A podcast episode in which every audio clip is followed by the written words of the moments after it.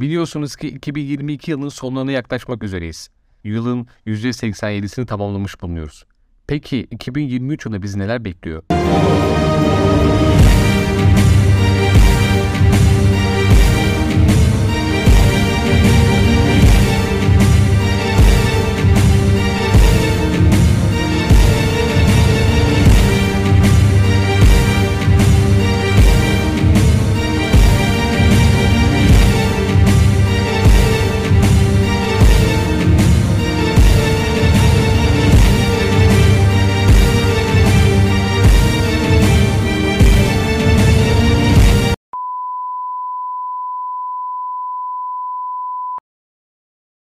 Rusya-Ukrayna savaşını bilen ünlü kain Baba Vanga'nın 2023 yılı için kehanetleri kanınızı donduracak. Ünlü kain Baba Vanga'nın 2023 yılı için kehanetlerini sizler için derledik. Uzaylı istilasından biyolojik silah hepimizin kanını donduran öngörüleriyle Baba Vanga bakalım 2023 yılı için neler söylemiş.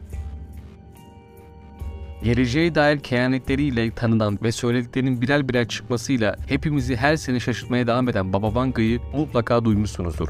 Ünlü kainin 2023 yılı için kehanetleri geçmeden önce isterseniz gelin kendisinin bu sene için söylediklerinden neler doğru çıkmış birlikte inceleyelim. Kendisi Putin'in hem dünyayı hem de Rusya'yı yöneteceğini iddia etmişti. Vanga bu sene yalnızca Putin konusunda değil, aynı zamanda doğal afetler konusunda yaptığı öngörülerle bizleri şaşırttı diyebiliriz. Ünlü kain bazı ülkelerin Suriye ile ilgili sorunlar yaşayacağını söylemişti. Bu sene Portekiz ve İtalya'nın pek çok bölgesinde kuraklık yaşandı. Ayrıca kendisi sel felaketlerinin de altını çizmişti.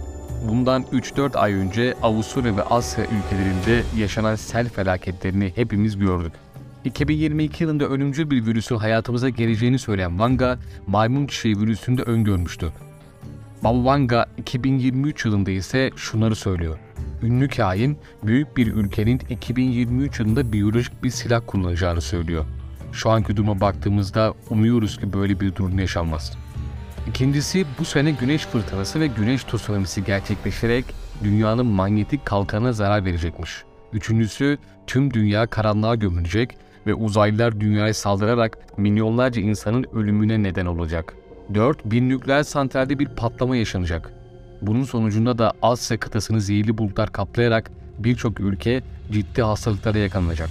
Beşinci ve son olarak ünlü kahine göre 2023 yılında insanlar laboratuvarlarda doğmaya başlayacak. Yani insanlar kendi kişiliklerini ve adiyetlerini seçebilecek. Bu da doğumun artık tamamen bizim kontrolümüzde gerçekleşeceğini gösteriyor. Ne diyorsunuz? Sizce bu kehanetler gerçekleşir mi?